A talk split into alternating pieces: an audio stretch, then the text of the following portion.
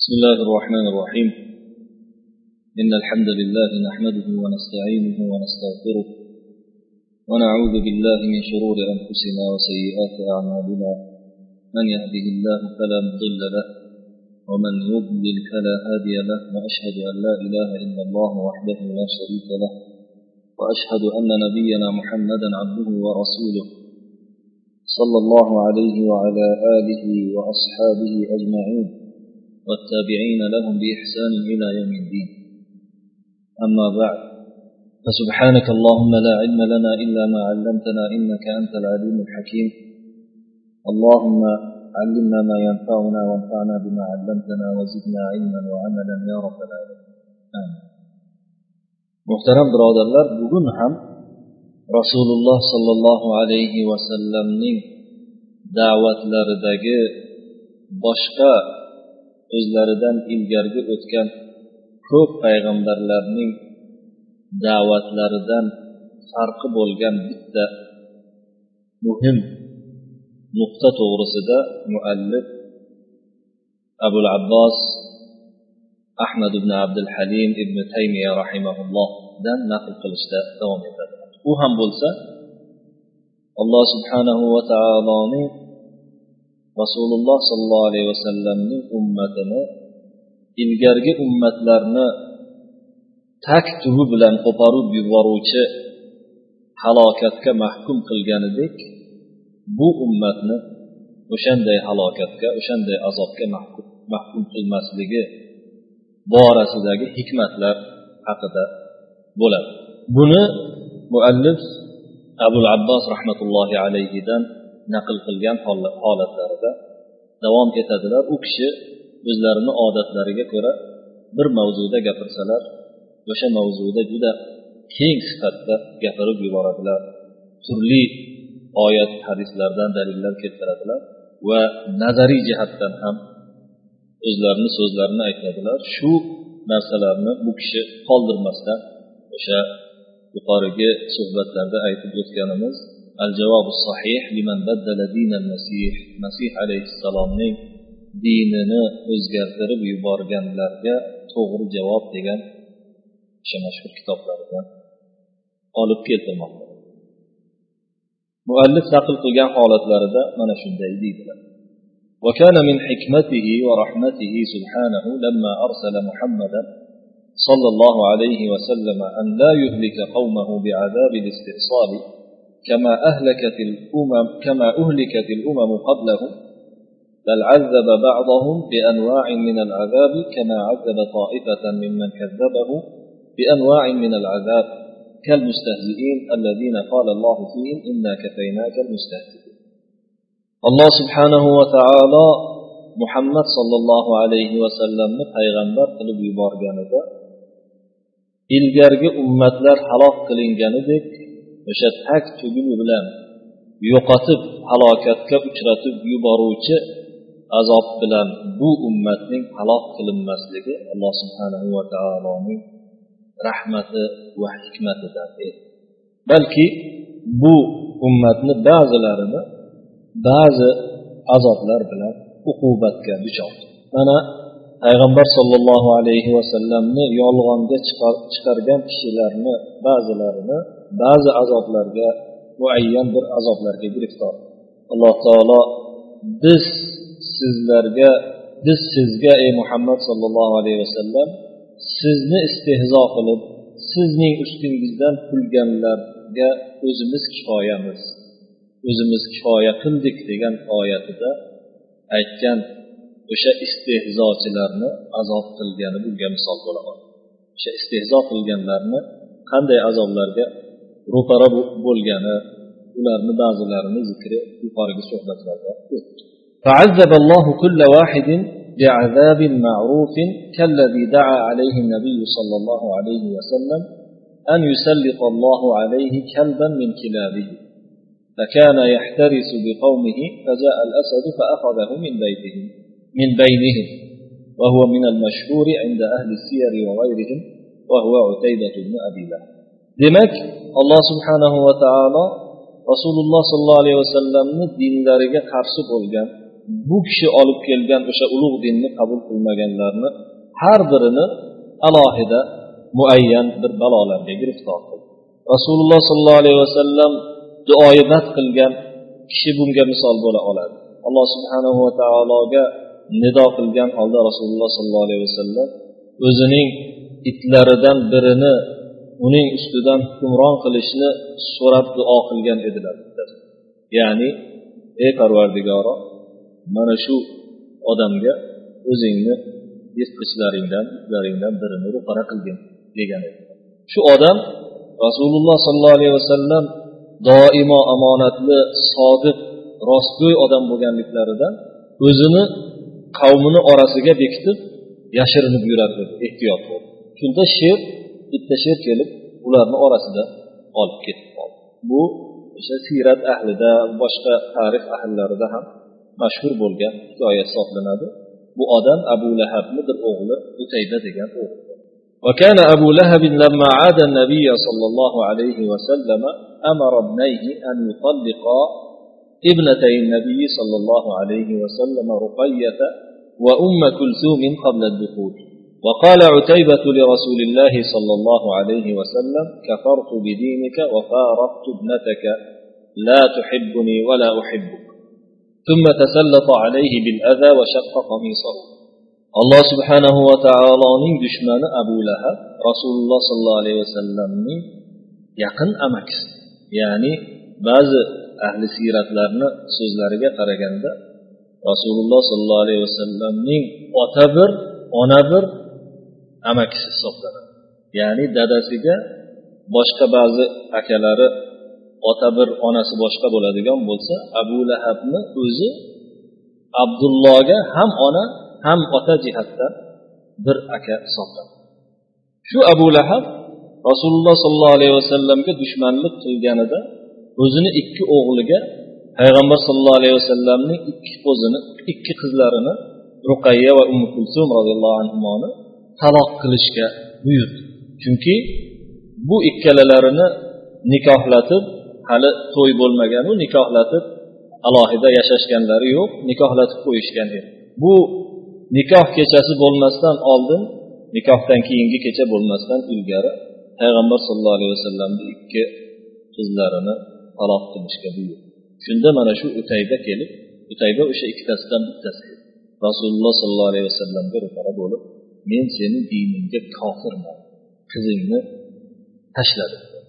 Seni sen meni yaxshi ko'rmaysan men ham seni yaxshi ko'rmayman deb unga rasululloh sollallohu alayhi vasallam zoti barakotga ozor berib qo'l bilan ham ozor berib ko'ynaklarini yirtib yoqalashib ketib rasululloh sollallohu alayhi vasallamga janjal ko'tarib qo'l ko'tarib hujum qilib qoldi shunda rasululloh sollallohu alayhi vasallam faqola rasululloh sollallohu alayhi vasallam اللهم سلط عليه كلبا من كلاب payg'ambar sallallohu alayhi vasallam o'shanda unga itlaringdan birini o'zing hukmron qilgin deb duo qiladi فخرج في نفر من قريش حتى نزلوا في مكان من الشام يقال له الزرقاء ليلة فطاف بهم الأسد تلك الليلة فجعل عتيبة يقول يا ويل أمي هو والله آكلي دعاء محمد علي أو دعاء محمد علي قتلني وهو بمكة وأنا بالشام.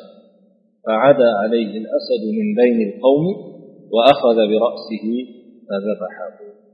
shunda u quraysh zodagonlaridan bir to'p bilan safarga shomning zarqo deb ataladigan bir yerida qo'noq bo'lib tushdi zarqo hozirgi paytda urdunning iordaniyani bir muzofotlaridan nohiyalaridan bittasi. O'sha zarqo degan joyga kechasi qo'noq bo'lib tushishdi. O'shanda ularni atrofini bir sher o'rab olib aylana boshladi aylana boshladi o'sha kechasi.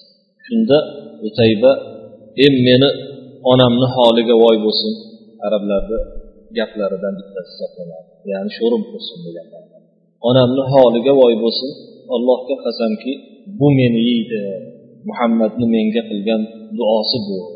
Makkada turib men shomda bo'lib turib u makkada turib meni o'ldirdi deb talvasaga tusha boshladi shunda qavmlar orasidan hech kimga tegmasdan sher kelib uni unga hujum qildida boshidan tishlab ketib borib nariroqqa borib yorib tashladi bu yerda so'ydi deb qo'yyapti arablar so'yishni o'sha sherning kim o'zini farizasi o'zini ovini bo'ynidan olib yorib yuborsa bo'ynini tishlab uzib yuboradigan bo'lsa وفي رواية هشام بن عروة عن أبيه قال لما طاف الأسد بهم, بهم تلك الليلة انصرف عنهم قاموا فجعلوا عتيبة في وسط فأقبل الأسد يتخطاهم حتى أخذ برأس عتيبة ففدغ هشام بن عروة بن الزبير رحمة الله عليهم جميعا shu kishini rivoyatlarida o'zlarini dadalaridan qilgan urvat ibn zubayr zubayr roziyallohu anhuni o'g'illaridan qilingan rivoyatda u kishi aytadilarki sher o'sha kechasi ularni atrofini aylanib qolgan vaqtda bir ortga bir chekindi sher ketganday bo'ldi shunda ular turdilarda o'taybani o'zlarini o'rtalariga olib yotib oldi o'shanda sher yana qaytib kelib ularni orasidan hatlab o'tib o'taybani boshidan tishlab boshidan olib o'sha yerda uning boshini yanchib uzib tashladi deyiladi قال تعالى قل هل تربصون بنا إلا إحدى الحسنيين ونحن نتربص بكم أن يصيبكم الله بعذاب من عنده أو بأيدي؟ فأخبر أنه يعذب الكفار بأيدي عباده المؤمنين بالجهاد وإقامة الحدود تارة وتارة بعذاب غير ذلك. فكان تعذيبهم بمثل هذه الأسباب مما يوجب إيمان أكثرهم كما جرى لقريش وغيرهم فإنهم لما كذبوه لو أهلكهم كما أهلك قوم فرعون ومن قبلهم لبادوا وانقطعت المنفعة بهم عنهم وانقطعت المنفعة به عنهم. ولم يبق ذرية تؤمن بخلاف ما إذا عذب بعضهم بأنواع من العذاب ولو بالهزيمة والأسر وقتل بعضهم كما عذبوا يوم بدر فإن في هذا من إذلالهم وقهرهم. ما يوجب عجزهم مع بقائهم. والنفوس إذا كانت قادرة على كمال أغراضها لا تكاد تنصرف عنها بخلاف ما إذا عجزت عن كمال أغراضها فإن ذلك مما يدعو إلى التوبة كما يقال من العصمة أن لا تقوى. mavzuga qaytib bu kishi bir oyatni keltiryapti asosiy mavzu alloh subhanahu va taoloning bu ummatni umumiy azob bilan azoblamaslik xususida alloh taolo aytadiki sura tavba o'n ellik ikkinchi oyatda ayting ey muhammad sallallohu alayhi vasallam bu madinada tushgan oyatlardan biri hisoblanadi. Xitob qilib ularga xitob dushmanlarga xitob qilib ayting. Hal bina illa ihdal sizlar bizlarga ikkita chiroyli narsadan birini kutib turibsizlar. Ya'ni bizni o'ldirsanglar biz shahid bo'lamiz sizlarni o'ldiradigan bo'lsak biz g'olib bo'lamiz. Ikkalasidan biri turibdi deb aytdi biz esa sizlarga alloh subhanahu va taolo o'zining tomonidan bir azob bilan yetishini yoki bizni qo'limiz bilan sizlarga azob yetkazishini kutib turibmiz. Deng degan oyatni keltiradilarda aytadilarki alloh subhanahu va taolo bu yerda xabar beryaptiki kofirlarni bandalarining qo'li bilan ham azoblash azoblay, azoblaydi ekanini ya'ni jihod bilan gohida hadlarni qoim qilish bilan gohida esa boshqa bir o'zi tarafidan bo'lgan azob bilan azoblash azoblaydi ekanini bildiryapti demak bularni bunday sabablar bilan azoblarga uqubatlarga giriftor qilishi ularning ko'pchiligini iymonli bo'lishiga sabab bo'lib qolish qoladi ekanligini bildirish uchun sabab bo'lib qolajagini bildirish mana quraysh va boshqa kufrga ketgan qabilalarga ham xuddi shu narsa joriy bo'ldi shu narsa ro'y berdi. Chunki ular payg'ambar sollallohu alayhi vasallamni yolg'onga chiqarganlarida agar fir'avn va ulardan ilgari qavmlarni o'ldirganidek hammasini halok qilib yuborganida ular yo'q bo'lib ketishgan bu narsa orqali ulardan biron bir manfaat qolmasdan uzilib ketgan bo'ladi. Biron bir mo'min bo'lgan zurriyat qolmagan bo'ladi. Ba'zilarini azoblab turli azoblar bilan ba'zi azoblar bilan. Uqubatlarga giriftor qiladigan bo'lsa bu endi boshqacha bo'ladi. Balki ularga bu azoblar mag'lubiyatdan iborat bo'lar bu uqubat. Yoki asirga tushish bo'lar yoki ba'zilarini o'ldirilishi bo'lar. Mana badr g'azotida ro'y berganidek ularni barchasida ularning o'sha kofir bo'lgan kimsalarning xor bo'lishlari yengilishlarida o'zlarining ojiz ekanliklari kelib chiqyapti qolib ya'ni hayotda qolib o'zlarini ojiz ekanliklarini ko'ryapti.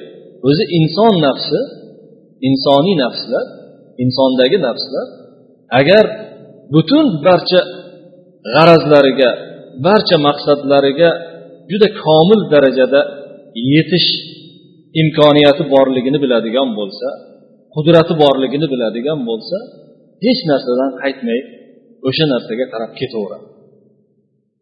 Aksincha agar o'zlarini maqsadlariga bu manavi kofirlar o'zlarini kufr maqsadlariga yetolmadilar. O'zlarini maqsadlariga shunaqa komil maqsadlariga o'zlari qo'ygan maqsadlaridan ojiz qoladigan bo'lsalar bu narsalar ularni o'ylanishga ularni tavba qilishga chorlaydi. Shuning uchun bir hikmatli so'z keladiki sizni qodir bo'la olmasligingiz sizni saqlaydi degan gap bor. Qodir bo'la olmasligingiz o'zi saqlashdandir degan arablarni bir hikmatli so'zi bor. Chunki qanchalik o'zingizni qudratli sezsangiz shunchalik tavbadan uzoq bo'lib baloga giriftor bo'lishingiz yaqin bo'laveradi.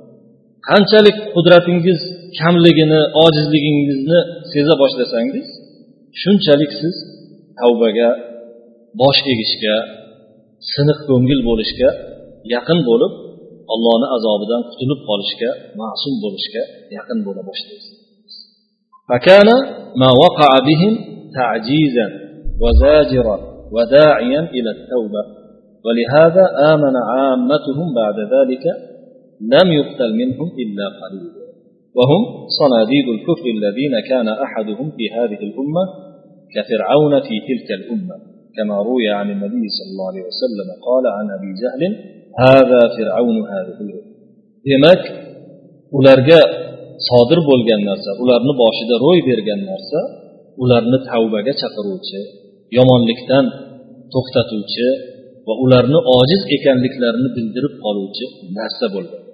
Shu narsalar sababli ularga boshiga mana shunday kulfatlar keldi. Shuning uchun ham mana shu voqealardan keyin bir ikki ularni orasida jang bo'lib o'tgandan keyin ko'pchiligi iymonga kelib ketdi. Iymonga kelib oldi ulardan o'ldirilganlari juda kam bo'ldi u kishilar o'sha kufrda tug'yonga ketib eng ashaddiylari o'ldirildilar. Mana shu ummatda o'sha muso alayhissalomni ummatida fir'avndek bo'lgan kishilari o'ldirildilar xolos. Payg'ambar sallallohu alayhi vasallamdan abu jahl to'g'risida rivoyat qilingan hadisda bunga ishora qilingan. Payg'ambar sallallohu alayhi vasallam aytadilarki bu ya'ni abu jahl mana shu ummatni fir'avni deydi. Bu hadisni imom ahmad o'zlarini musnatlarida tabaroniy o'zlarini mujamul kabir kitoblarida rivoyat qilganlar. Sanadi yaxshi sanad hisoblanadi. Ya'ni sanadi ishonchli sanatlardan hisoblanadi inshaalloh sahih darajasiga yetmasa ham ulamolar qabul bo'ladi qabul qiladigan jayyid va hasan degan sanatlarga yetib oladi inshaalloh وقد ذكر الله لموسى عليه السلام في التوراة إني أقسي قلب فرعون فلا يؤمن بك لتظهر آياتي وعجائبي بين أن في ذلك من الحكمة انتشار آياته على صدق أنبيائه في الأرض. إذ كان موسى قد أخبر بتكليم الله له وبكتابة التوراة له فأظهر الله له من الآيات ما يبقى ذكرها في الأرض وكان في ضمن ذلك من تقسيته قلب فرعون ما أوجب إهلاكه وقومه وقومه أجمعين وفرعون كان جاحدا للصانع منكرا بربوبيته لا يقر به فلذلك أتى من الآيات ما يناسب حاله. Keyin rahmatullohi alayhi tavrotdan bir misol keltiradilar. Alloh subhanahu va taolo muso alayhissalomga tavrotda mana shunday deydi. Men fir'avnni qalbini tosh qilib qo'yaman. Qattiq qilib qo'yaman. Senga mo'min bo'lmaydi toki meni oyatlarim mo'jizalarim menga dalolat qiluvchi narsalar va ajoyibotlarim zohir bo'lib ko'rinishi uchun shunday qiladi. Deydi. Shunda bayon qilyaptiki bu narsada hikmatlaridan biri bu narsani hikmatlaridan biri yer yuzida payg'ambarlarni sodiqligiga bo'lgan dalolat qiluvchi oyatlar belgilarni yoyilishi bor. Zero muso alayhissalom alloh taoloning unga bevosita gapirganligini tavrotni olib kelganlikligi tavrotni yozib berganligini xabar bergan edi muso alayhissalom. Alloh subhanahu va taolo shunda u zotga muso alayhissalomga mo'jizalardan o'sha yer yuzida qoladigan mo'jizalarni ko'rsatdi. Mana shularni orasida fir'avn qalbini qattiq qilish ularning o'sha fir'avnni halokatiga va fir'avn yonidagi qavmni halokatiga sabab bo'ladigan fir'avnni qalbini qattiq qilish ham bor edi.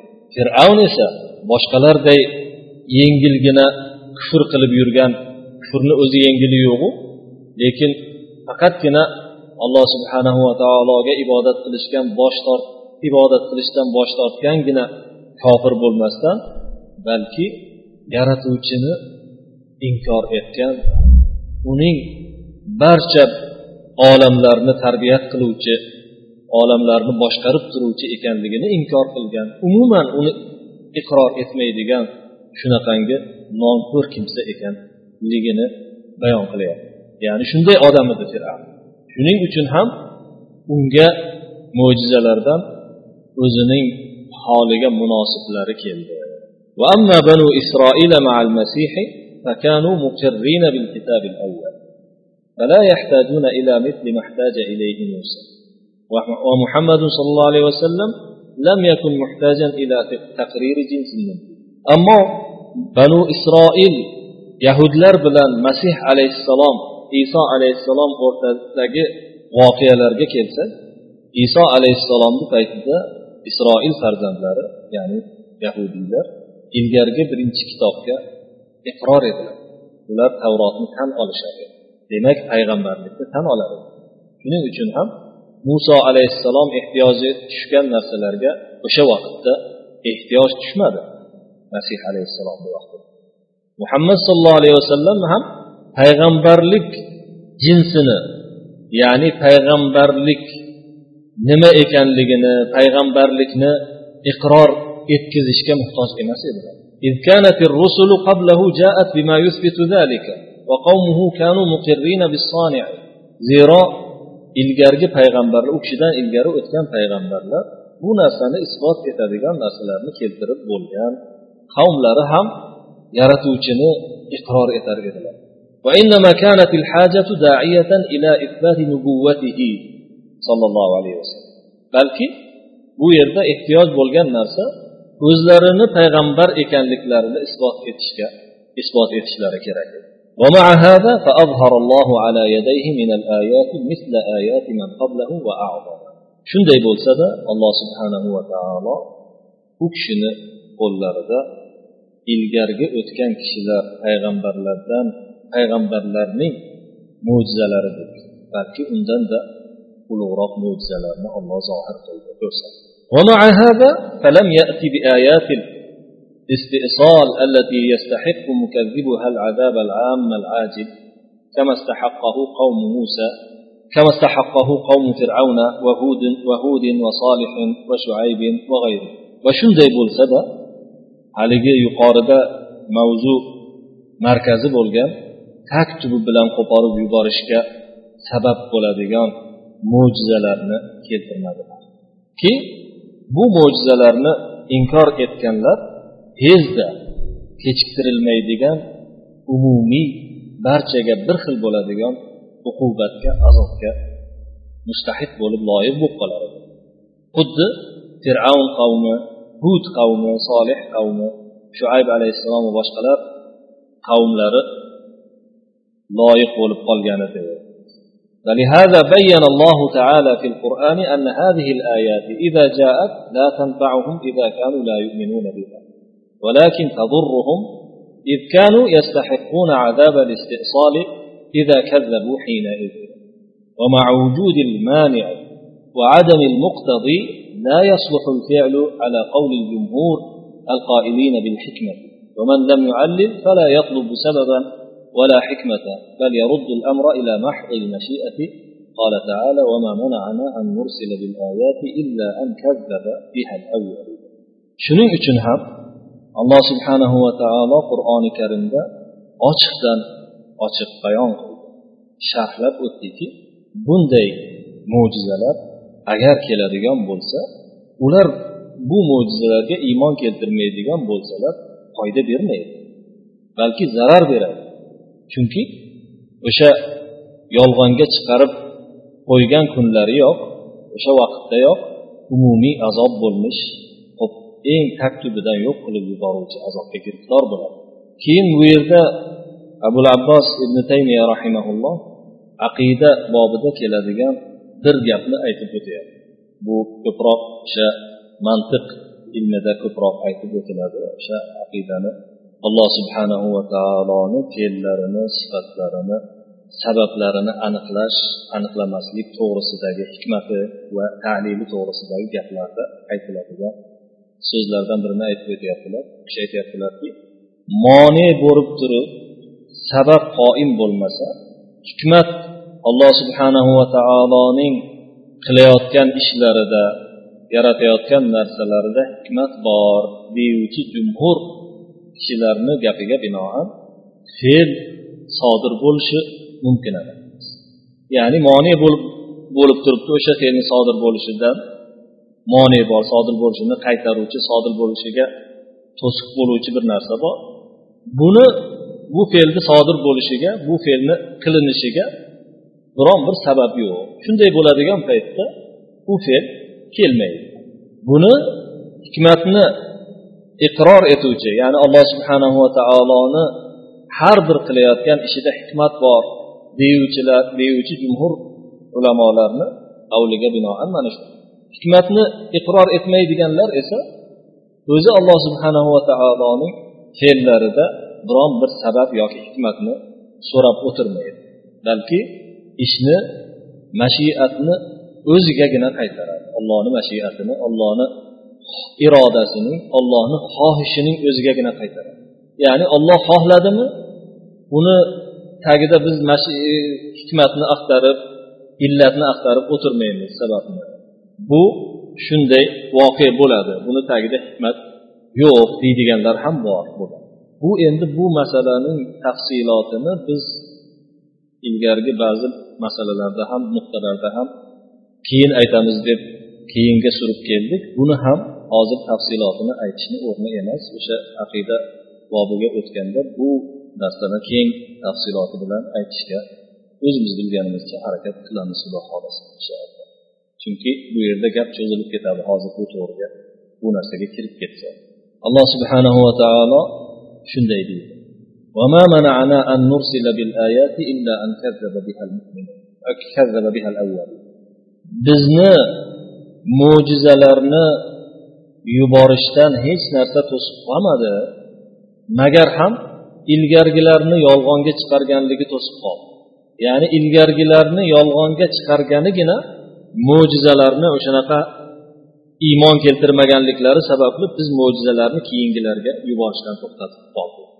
Bu degani agar shu mo'jizalarni yuborganimizda ular baribir iymon keltirmagan bo'lar edi o'sha kofirlar iymon keltirishni xohlamaydilar keyin iymon keltirmaganlaridan keyin ularni boshida mo'jiza qoyim bo'lib turganligi uchun ularni azoblash kerak bo'lib qolardi shuning uchun biz bu mo'jizalarni o'sha umumiy azobni olib keladigan olib kelishga sabab bo'ladigan mo'jizalarni jo'natadi deydi alloh subhanahu وهو يعلم أن قلوب هؤلاء كقلوب أولئك الأولين فيكذبون بها فيستحقون ما استحقه أولئك كقوم نوح وهود وصالح وشعيب وغيرهم. قال تعالى وكذلك ما أتى الذين من قبلهم من رسول إلا قالوا ساحر أو مجنون. أتواصوا به؟ وقال تعالى كذلك قال الذين من قبلهم مثل قولهم تشابهت قلوبهم. وقال عن أهل الكتاب يضاهئون قول الذين كفروا من قبل. وقال تعالى أكفاركم خير من أولئكم أم لكم براءة في الزبر؟ أم يقولون نحن جميع منتصر alloh subhanava taolo bilib turibdiki bularni qalblari o'sha ilgarigilarni avvalgilarni qalblari bular ham yolg'onga chiqaradi yolg'onga chiqarganlaridan keyin ilgarigilar boshiga tushgan ilgarigilar mustahid bo'lgan ilgarigilar loyiq bo'lgan azobga bular ham loyiq bo'lib qoladi nuh alayhissalomni qavmlari hud solih shuayb va boshqa payg'ambarlarni qavmlari ustiga kelgan azobga ular loyiq bo'lib qolganidek loyiq bo'lib boshlariga azob kelganidek ular ham o'shanga giriftor bo'lib qoladilar. Agar yolg'onga chiqaradigan bo'lsa. Deydi alloh subhanava va taolo. Keyin shunday deydiki ana shunday ulardan ilgari kishilarga biron bir payg'ambar keladigan bo'lsa ular ham yo sehrgar deyishdi. yoki majnun deyishdi jinni bo'lgan bu deyishdi qarang endi gaplarni kofirlarni gaplarini bir joydan chiqayotgan deydi alloh birga maslahat qilib olishganmi bular ya'ni bularni so'zlari qalblari bir bo'lganliklari tufayli inkor etish sarkashlik bilan bo'layotganligi tufayli ularni so'zlari ham bir joydan chiqyapti وقال تعالى كذلك قال الذين من قبلهم مثل قوله yana bir oyatda xuddi shunday deyishgan edi ilgargilar ham bularni gaplarida aytishgan.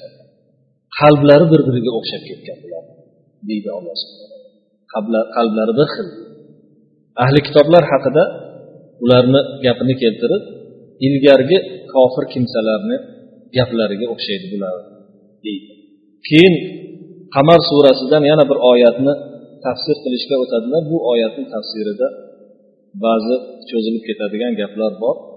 Buni va keyingi undan keyingi e, gaplarini kelasi suhbatga qoldiramiz. Hozir esa suhbatga yakun yasaymiz va sallallohu vasallam va baraka va ala va ashabihi